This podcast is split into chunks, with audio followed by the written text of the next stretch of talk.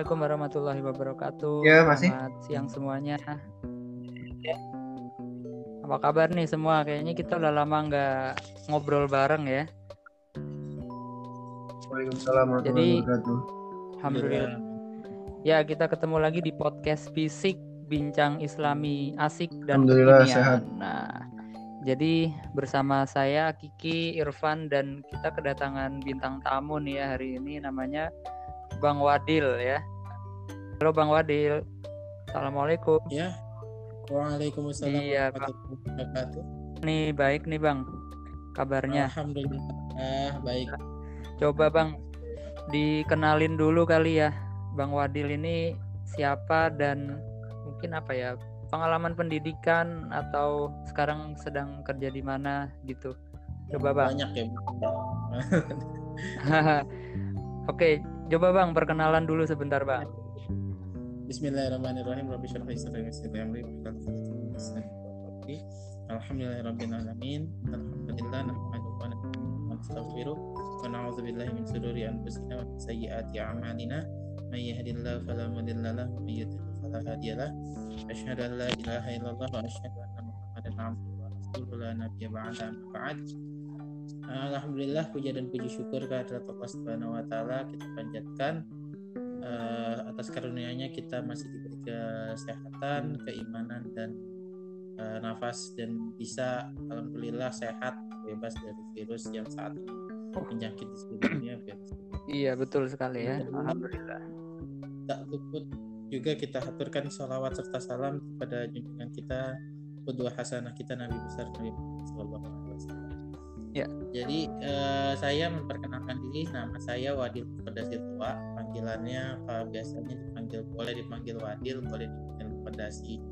Hmm. Eh, keseharian saya pendidikan ya, eh, seperti biasanya ya SD eh, di eh, tempat tinggal saya di SD 02 Oh, Pagi jadi Pagi. Bang Fadil Bang Wadil ini guru ya? Enggak, kalau saya eh, untuk sekarang sekarang ini kesehariannya di lembaga charity. Oh, di charity. KNRI. Oke. Eh, KNRI. Oke, oke. Saya di eh, sta- di bidang sosialisasi dan edukasi. Oke. Jadi eh, kebetulan bergerak di bidang itu ya, charity dan dakwah lah ya. Hmm. Ya, Oke. Eh, ini langsung aja nih ya Bang kita. Jadi kebetulan kan eh, topik sebelumnya kita lagi bahas tentang yang waktu itu lagi eh, hangat gitu ya tentang eh, perubahan Hagia Sophia atau Hagia Sophia dari eh, museum menjadi masjid yang telah dilakukan oleh eh, Ya. Pak Erdogan gitu ya. Nah, kita kali ini pengen bahas tentang satu masjid lagi yang nggak kalah penting nih di di kalangan umat Islam yaitu Masjid Al Aqsa nih yang ada di Palestina.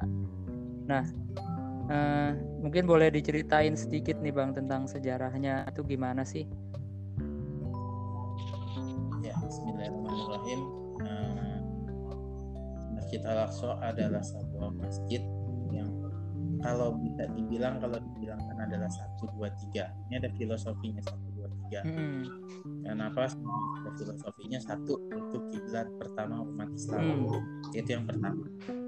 Kedua adalah Masjid Al Aqsa adalah sebuah masjid bangunan masjid yang dibangun kedua setelah Ka'bah di muka bumi. Oh, ada satu gitu. hadis yang bahwa eh, sahabat bertanya kepada Rasulullah masjid apakah yang pertama kali dibangun? Yang pertama Ka'bah. Yang kedua adalah masjid Masjidil Aqsa dan kam bainahuma jaraknya ada ada dua ada kam bainahuma jaraknya ada 40 tahun. Jadi jarak pembangunan Ka'bah dengan Masjid Al-Aqsa adalah 40, 40 tahun. tahun. Nah, itu yang kedua 40 filosofi yang. Ah. kedua. Yang ketiga adalah tempat yang sangat sangat dianjurkan untuk dikunjungi. Oh. La tusyaddur rihal illa sajid. Tidak disarankan berkunjung ke mana pun kecuali ketiga masjid ini. Pertama Masjid Masjidil Haram, kedua Masjid Nabawi, yang ketiga adalah Masjid Al-Aqsa. Jadi itu filosofinya. Hmm. Satu dua masjid, satu dua. Nah, sejarahnya adalah bangunannya ini sebetulnya tadi saya bilang adalah masjid uh, Al-Aqsa adalah masjid yang kedua dibangun oleh Sayyidina uh, Nabi Adam alaihissalam. Jadi banyak perdebatan antara siapa pembangunnya. Ada yang bilang para ulama itu bilang ada Nabi Ibrahim, Nabi Adam, Nabi Ibrahim, bahkan malaikat. Tapi yang paling uh, ulama paling kuat adalah Nabi Adam alaihissalam karena jarak pembangunan Ka'bah dengan uh, Masjid Al-Aqsa hanya sekitaran 40 tahun. Kalau yang kita tahu kan namanya sebelum Nabi Muhammad itu jarak manusiawi manusia itu jauh ya. Ada yang Nabi uh, Ibrahim aja sampai seribuan tahun. Iya, betul. Nabi yang lainnya sampai beribu-ribu tahun. Nah, kalau 40 tahun ini kan masih jarak dekat, nggak mungkin perbedaannya sama karena di dalam hadis itu disyaratkan bahwa pembangun Ka'bah dengan Masjidil Haram adalah orang yang sama, bukan orang yang beda. Oh, oke. Okay. Jadi, nah, ini pembangunnya sama. Modelnya juga kalau dilihat itu modelnya per Masjidil Haram eh, Ka'bah dengan Masjid Al Aqsa itu modelnya itu sama persis. Hmm. Artinya bukan ajaran genjot, dia bukan satu balok bukan juga persegi panjang. Kalau dilihat dari atas itu Ka'bah kan bukannya balok, bukan kubus ataupun persegi panjang kalau uh, pada ikhwan uh, bila sekalian. Mm -hmm. Tapi dia adalah panjang. Atasnya berapa, panjangnya, uh, bawahnya juga berapa, sampingnya juga berapa berbeda-beda. Nah ini juga sama persis seperti uh, konstruksi yang ada di uh, Masjid Al-Aqsa. Karena kan definisi Masjid Al-Aqsa itu bukan hanya yang kubahnya kuning atau yang kubahnya biru seperti yang uh, paradigma sekarang ini digiring oleh Zionis Israel. Hmm. Kadang kan sekarang ini kita dipaparkan bahwa Masjidil Aqsa mana sih Masjidil Aqsa? Pasti orang-orang yang mengarah kepada Masjidil Aqsa itu yang kubahnya kuning. Oh iya. iya. Masjidil Aqsa yang kubahnya biru. Kan seperti itu ya.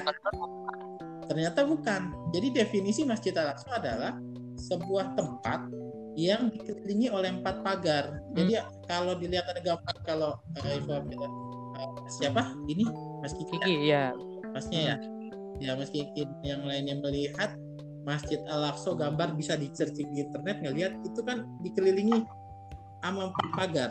Hmm, hmm, hmm. Nah, sedang di dalam empat pagar itu itu semua adalah kawasan Masjid Al Aqsa namanya. Oh, Oke. Okay. Jadi bukan hanya kubah kuning atau yang kubah biru. Hmm. Kalau yang kubah kuning adalah salah satu bagian dari dalam kawasan Masjid Al-Aqsa. Oh, okay. Makanya penyerbuan ke Masjid Al-Aqsa sekarang kan penggiringan opini jadi orang kalau berpikir ah yang diserbu oleh masjid apa pemukim Israel Yahudi Israel adalah yang bukan kubah kuning hmm. hanya di uh, dekat dengan tembok itu berarti bukan dinistai Masjid Al-Aqsa hmm ini paradigma yang sengaja digiring oleh Israel supaya kita hmm. mentingkan cuma yang doang. Nah, oh gitu. Ya. Jadi bukan secara oh, okay. Oke menarik banget nih. Oh ya. berarti kalau yang kuning itu memang mas, bukan Al-Aqsa ya? Ini kalau saya searching di Google itu satu bagian, salah satu bagian dari Masjid Al-Aqsa. Sepertinya gini, kalau Mas Kiki dan Mas Irfan ke komplek DPR, nah ubah uh, bangunan yang biru beratapkan biru itu kan salah satu bangunan di dalam komplek DPR. Iya, kan? iya, iya. Sampingnya lagi kan ada bangunan tinggi hmm. lagi. Itu kan masih salah satu DPR dan kalau kita bilang itu kesatuan adalah DPR RI. Hmm. Nah, Masjid Al Aqsa itu ubah yang kuning adalah salah satu bagian dari hmm. so, jadi kalau ada yang penggiringan wah yang diserbu oleh Yahudi adalah yang bukan yang masjid yang kuning ini berarti nggak dicistai al itu salah besar karena mau yang kuning diserbu mau yang biru diserbu ataupun di seluruh tempat yang ada di dalam pagar diserbu itu termasuk penistaan terhadap masjid oh iya iya betul ya jadi karena itu satu komplek gitu ya satu komplek. Uh, Jadi kita bilangnya komplek. Oh iya. Oke. Okay. Kawasan. Iya. Oke, okay, menarik banget nih ya omongan tentang obrolan tentang apa nih sejarah Masjid Al Aqsa nih ya. Tapi uh, sepertinya kita harus break dulu nih ya. Uh, karena sudah 15 yeah. menit. Jadi kita nanti akan balik lagi ntar saya insya Allah kasih linknya lagi ya bang ya oke Iya. assalamualaikum Oke. Waalaikumsalam.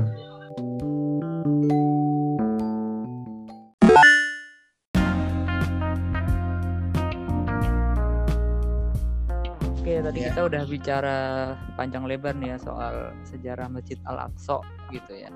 Nah, tapi kita kalau ngomongin Masjid Al-Aqsa itu kan nggak terlepas dari eh, tempat di mana masjid itu berdiri ya, yaitu di Palestina gitu. Nah, sedangkan Palestina itu sekarang sedang menjadi sorotan dunia karena sedang mengalami konflik dengan Israel gitu ya. Nah, jadi sebenarnya sepenting apa sih gitu eh, kedudukan Palestina gitu ya kok eh, kok itu menjadi sorotan gitu ya di dunia saat ini gitu. Bismillah. Eh, yang pertama yang perlu ditekankan eh, dari sisi mana nih? Maksudnya apakah dari sisi Israelnya atau sisi dunianya? Dari mana-mana kali ya. Mungkin dari sisi Al-Aqsa-nya juga bisa gitu kan. Dikulik dari Jadi situ. eh, Al-Aqsa ini adalah sebuah jantungnya Palestina. Qalbus Hmm. Jadi eh, jantung konfliknya. Eh, Hmm. Terkait ini adalah kalau kenapa eh, Al-Aqsa ini ngotot Israel untuk mengambilnya, mengambil alihnya, jajahnya karena mereka mempunyai klaim sepihak Hmm. mereka bahwa eh, di bawah reruntuhan di bawah bangunan Al-Aqsa ada satu eh, situs bersejarah mereka kalau yang di main di media-media mainstream mungkin bisa disebut dengan Temple eh, Sulaiman atau Solomon Hmm. Temple gitu. Hmm. Will Sulaiman itu kan sering se- Haikal Sulaiman sering sekali terdengar di media mainstream ya. Eh, Hmm. Nah, ini mereka adalah dalih sepihak mereka karena dalam mereka merujuk kepada eh, dalih bahwa eh, Al-Aqsa ini adalah tanah yang dijanjikan bagi mereka eh, Palestina bukan Al-Aqsa saja tapi Hmm. Palestina secara Nah. adalah tanah yang dijanjikan oleh Eh, Tuhan terhadap mereka.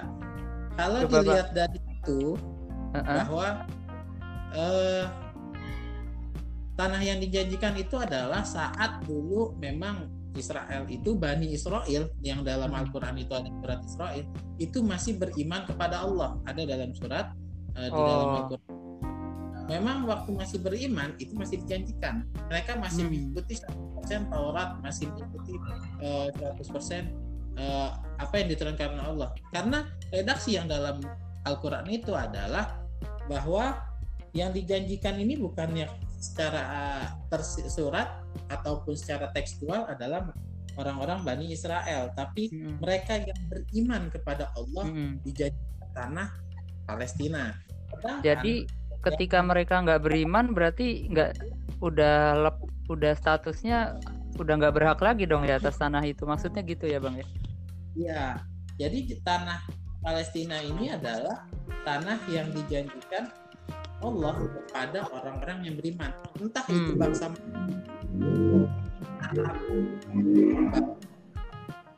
Indonesia Ya. sendiri kan kalau bisa dilihat dari eh, sejarah ya seperti Fatu Solahi penaklukan Baitul Maqdis oleh Salahuddin Al Ayyubi itu Salahuddin Al Ayyubi itu kalau yang di barat itu terkenal dengan mungkin kalau di uh, Google itu keywordnya Saladin. Nanti ketemu oh Salahuddin Al iya iya. Saladin. Nah, Salahuddin Al Ayyubi ini bukan orang Arab bukan orang eh, Palestina tapi mereka dia adalah orang eh, Turki gitu orang eh, bukan orang asli Palestina tapi dia beriman makanya dia bisa menaklukkan Baitul Maqdis nah ini Hmm. kuncinya jadi ini sebenarnya tanah, tanah yang dijanjikan untuk semua orang beriman eh, terlepas dari negara apa pun dia gitu ya termasuk kita yang di Ya. Indonesia sekarang gitu ya Quran surat Al-Maidah ayat 21.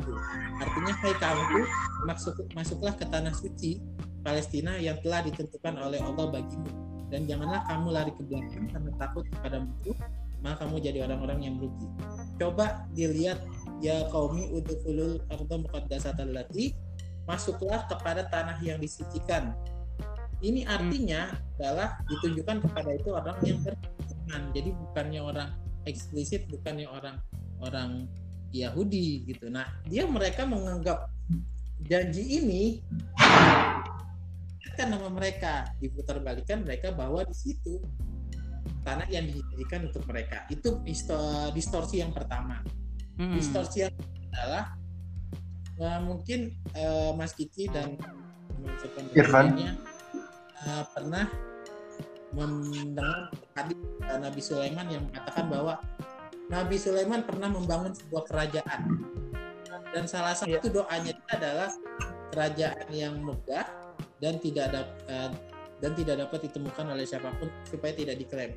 Memang benar Nabi Sulaiman pernah mendirikan kerajaan di Palestina, tapi bukan di Masjid Al-Aqsa karena tidak secara eksplisit di situ gitu.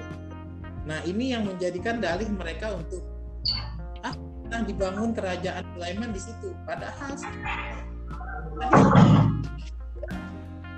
kerajaan Sulaiman itu ada di Masjid Al-Aqsa. Itu nggak pernah dalam satu redaksi pun ataupun para penjelasan syarahnya itu nggak ada yang mengatakan seperti itu di Masjid Al-Aqsa. Nah, ini distorsi yang Hmm.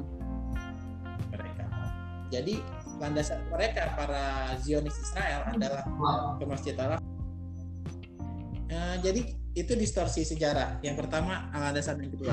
Yang landasan yang pertama. Landasan kedua adalah sejarah. Jadi pada tahun 1896 ada sebuah buku dari eh, jurnalis eh, asal jurnalis berdarah Yahudi asal Austria. Namanya Theodor Herzl yang membuat sebuah buku Der Step yang mengatakan bahwa ini adalah tanah uh, yang dijanjikan dan visi misi berdirinya negara Israel. Oh. dan itu dibawa kepada sebuah konferensi dunia Yahudi pertama di Basel tahun 1897. Hmm. Dalam konferensi itu ditetapkan bahwa negara Palestina adalah tujuan pendirian negara eh, Yahudi Israel. Padahal kalau kita ber- at- berkaca dari sejarah bahwa Yahudi Israel sekarang bukanlah penduduk asli Palestina, tapi dia adalah penduduk eh, pendatang imigran dari Eropa Timur. Gitu. Jadi landasan keduanya itu mereka pengen ngotot ke situ karena memang pertama adalah faktor distorsi eh, sejarah, yang kedua adalah faktor eh, distorsi eh, ideologi pertama yang kedua adalah faktor distorsi sejarah karena eh, mereka memainkan sebuah isu dulu tahun 18-an itu mereka kaum Yahudi di Eropa Timur ini sangat mendapat sikap represif dari kerajaan Rusia sehingga mereka butuh negara untuk mereka berlindung dan itu jatuh kepada negara Palestina. Karena negara Palestina yang diambil pertama yang tadi ideologis mereka distorsi. Yang kedua adalah negara Palestina adalah negara yang subur. Hmm. karena dalam dalam ayat Subhanalladzi asra bi 'abdihi lailan minal masjidil haram ilal masjidil aqsa alladzi barakna haula. Barakna haula ini artinya yang diberkahi sekitarnya. Jadi sekitar Masjid Al-Aqsa itu adalah tanah-tanah yang diberkahi. Ini tersirat dan tertulis di Al-Qur'an. Makanya dia meng, eh, tepat banget untuk ada di eh, Palestina. Ya. Sikap mereka yang ingin menjadikan sebuah negara yang mempunyai kekuatan dan menggenggam apa pun yang mereka mau. Itu sih faktornya kenapa memang uh, Palestina yang dituju. Dan kedua kenapa uh, dan selanjutnya Al-Aqsa menjadi sasaran ya tadi saya bilang karena mereka ini jantungnya. Ada satu pepatah yang bilang orang yang menguasai Al-Aqsa adalah orang yang uh, bangsa atau pihak yang menguasai Al-Aqsa adalah pihak yang menggenggam dunia. Oh. Karena kalau dilihat dari geografis, Al-Aqsa terletak di uh, Yerusalem atau Al-Quds dan Palestina, khususnya Al-Quds ini adalah titik tiga pertemuan benua, Hmm.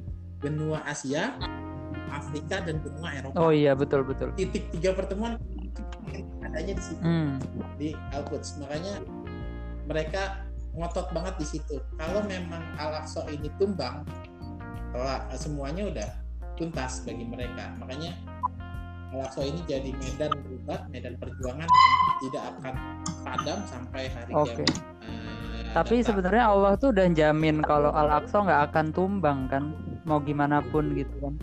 Iya, Jadi iya. karena dalam hadis Nabi dijelaskan bahwa ada satu kaum yang akan terus menerus untuk memperjuangkan kebenaran dan hak yaitu hak dan batil Hmm. batil itu di Maqdis. jadi sebenarnya Jadi Mbak Bakul bakal- ya. Jadi sebenarnya eh, apa ya? Kita itu berjuang mereka yang mungkin yang di depan garda terdepan gitu ya. Mereka berjuang mati-matian tuh sebenarnya juga maaf nih kalaupun mereka nggak berjuang juga insya Allah akan tetap eh, dimenangkan ya. Cuma kan kita butuh ikhtiar juga gitu ya. Cara berpikirnya kayak gitu ya. Iya, Mm-mm. berpikirnya Mm-mm. Jadi eh, walaupun udah dijamin bakal bakal menang bukan berarti perjuangan kita harus padam gitu ya, malah kita harus berlomba-lomba ya untuk namanya berikhtiar memenang. gitu. Karena Al-Aqsa itu adalah jantung kita dan satu lagi yang saya mau eh, tekankan adalah Al-Aqsa ini kita punya saham di Al-Aqsa Eh, Hmm. Mas Hmm, dan Oke, apa itu saham? kita punya namanya mimbar Nuruddin Hmm. Zamki jadi mimbar Nuruddin Zamki itu adalah mimbar yang ada kontribusinya orang Indonesia jarang tahu orang dan itu pahatan-pahatan itu dibuat oleh orang Indonesia salah Hmm. lima orang Indonesia dari Jepara Oh, gitu. jadi kalau kita ditanya nih sama semua orang kalau negara-negara lain Mesir ada mastobah ada tempat Hmm. wudhu kalau kita ditanya gimana sih kita kalau misalnya eh, Palestina merdeka dan Al-Aqsa bebas gimana kita orang Indonesia ketemu kita bisa ngaku kita ada di paling depan Oh, ketemunya di mimbar iya. Oke. itu aset kita Oke. nah ini banyak. Hmm. Oke, ini berhubung udah mau 15 menit lagi ya. Kita mungkin langsung ke sesi terakhir aja ya, Pak ya. Eh, Kira-kira apa nih untuk kalimat penutup apa yang mesti kita lakukan gitu untuk mensupport Palestina? untuk support Palestina itu sebetulnya yang kita perlukan yang kita harus lakukan adalah terus menerus kita mendukung Palestina dari segi mana pun karena li, lengah sedikit kita mengenai informasi Palestina lengah sedikit kita luput eh, terhadap permasalahan Palestina Israel itu akan menggerogoti. Hmm. salah satu contoh adalah aneksasi Hmm. yang terjadi Eh, kabar-kabar kalau sebelum ini kan Hagia Sophia kalau Mas Kiki dan Mas Irfan ini mungkin ngelihat media mainstream ada namanya aneksasi tepi barat. Hmm. Iya, iya. itu kan salah satu berita yang Ya, sebetulnya sudah lama aneksasi itu dicanang-canangkan. Kenapa sekarang muncul lagi? Karena mereka dapat dukungan dari Amerika Serikat. Sebagai pendorong utama. Karena di era Trump ini Israel menjadi anak emas banget. Oke. gitu. Ngotot aneksasi. Tapi dengan dukungan yang kuat dari dunia dari berbagai pihak aneksasi ini ditunda. Nah ini makanya saya bilang kita harus tahu bahwa permasalahan Palestina. Terkadang umat Islam ini ataupun seluruh lupa bahwa itu ada salah satu masjid pernah sejarahnya ada bagi umat Islam tempat dimuliakannya Allah dengan eh, diperjalankan Rasulullah dari Masjidil Haram ke Masjidil Aqsa. Nah kita kadang lupa dengan itu dan kita menganggap ah, permasalahan Palestina gitu-gitu aja, paling penyerangan, paling pembongkaran rumah ataupun lain-lain yang ah udahlah nggak Hmm, usah. Iya, iya, Dan- iya. Atau ada permasalahan Palestina adalah permasalahan alamatul kiamat, tanda-tanda Hmm. kiamat. Ya udahlah biarin aja Hmm. eh, akan kiamat bukan itu karena Maimunah bilang kalau kita nggak bisa sholat di dalamnya kita bisa memberikan lampu Oh iya. eh, orang-orang di eh, Palestina. Nah ini maksudnya adalah kalau kita nggak bisa untuk datang untuk membantunya kita bisa berkontribusi Hmm. terhadap Palestina dengan cara apa? Cara yang tadi saya bilang tidak tidak lengah dan tidak luput terhadap Oke. permasalahan Palestina. Salah satu terus mengawal dengan ini yang kadang lupa nih. Kita kan semua punya media Iya, sosial iya, ya, Mas Kiki dan Ah. Mas Irfan.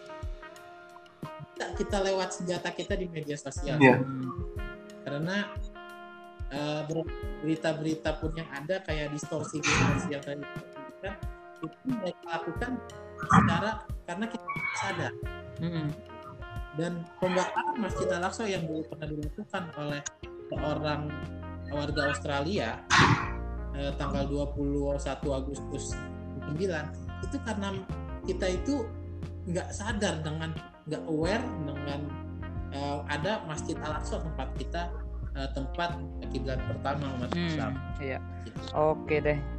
Nah, ini yang ah. harus ditekankan Oke sih. Pak. Terus kawal perkembangan Palestina dan terus sampaikan apa yang terjadi di Palestina selama kita nggak bisa berkontribusi Oke. datang Oke, nggak kerasa nih ya udah 17 menit kita ngobrol asik banget nih. Nah, kalau dilanjutin kayaknya emang nggak ada habisnya ya ngobrol soal Palestina karena emang Iya. ini suatu yang menarik gitu untuk dibahas. Oke, mungkin eh, sekian dulu ya eh, di podcast kita ini. Terima kasih yang udah mendengarkan dan terima kasih untuk narasumber dan Irfan. Semoga kita bisa ketemu lagi di podcast selanjutnya. Ya, Oke, iya terima kasih buat semuanya dan uh, sampai kita ketemu lagi di podcast bisik banyak, selanjutnya bicara Islam asik dan kekinian. Assalamualaikum warahmatullahi wabarakatuh.